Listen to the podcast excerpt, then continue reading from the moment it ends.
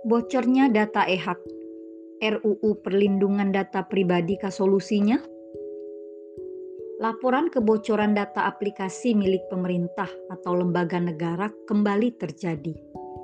Kali ini, aplikasi Electronic Health Alert Card atau EHAC disebut berimbas pada 1,3 juta penggunanya. Sumber bbc.com sertifikat vaksin COVID-19 milik Presiden Joko Widodo dan sejumlah pejabat lainnya pun mudah ditemukan di aplikasi Peduli Lindungi. Sumber newscast.id.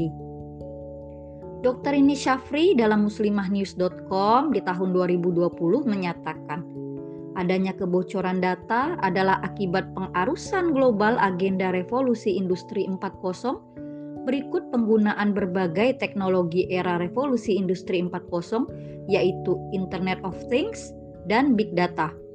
Di satu sisi, berbagai teknologi tersebut memberikan manfaat, namun di saat yang bersamaan juga membahayakan jika tidak berada di tangan yang tepat. Kasus ini semestinya menjadi aram keras bagi pemerintah sebagai pihak paling bertanggung jawab terhadap kesehatan dan keselamatan jiwa masyarakat. Kebocoran data kesehatan tentu rawan berimplikasi pada kepentingan yang membahayakan keselamatan jiwa pasien. Sayangnya, Indonesia hanya sebagai pengguna teknologi Internet of Things dan Big Data ini. Pemilik riset dan teknologi terkini revolusi industri 4.0 adalah dunia barat.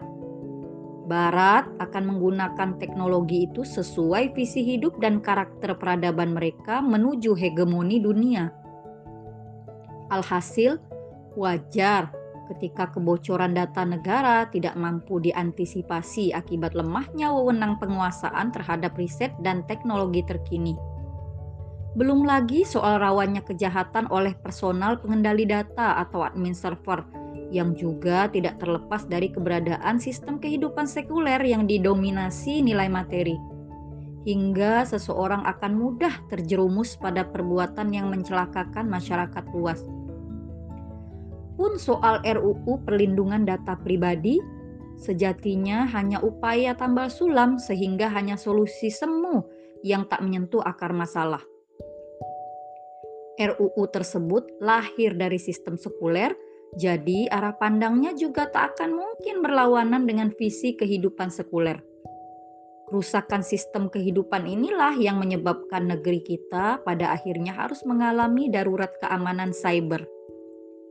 Indonesia dan dunia hanya akan terbebas dari darurat keamanan cyber ketika dikelola oleh orang-orang dan sistem yang amanah, termasuk dalam hal pengelolaan data digital. Mereka adalah orang-orang dan sistem yang tegak dengan standar halal dan haram, serta berbasis pertimbangan dosa dan pahala. Riset dan teknologi terkini revolusi industri 4.0 khususnya Internet of Things dan Big Data, hanya akan memakmurkan dan menentramkan seluruh dunia ketika dikelola oleh peradaban yang sehat sejak dari pondasi hingga ke seluruh pilar-pilarnya, yaitu peradaban Islam di bawah naungan khilafah. Wallahu a'lam bishawab. thank you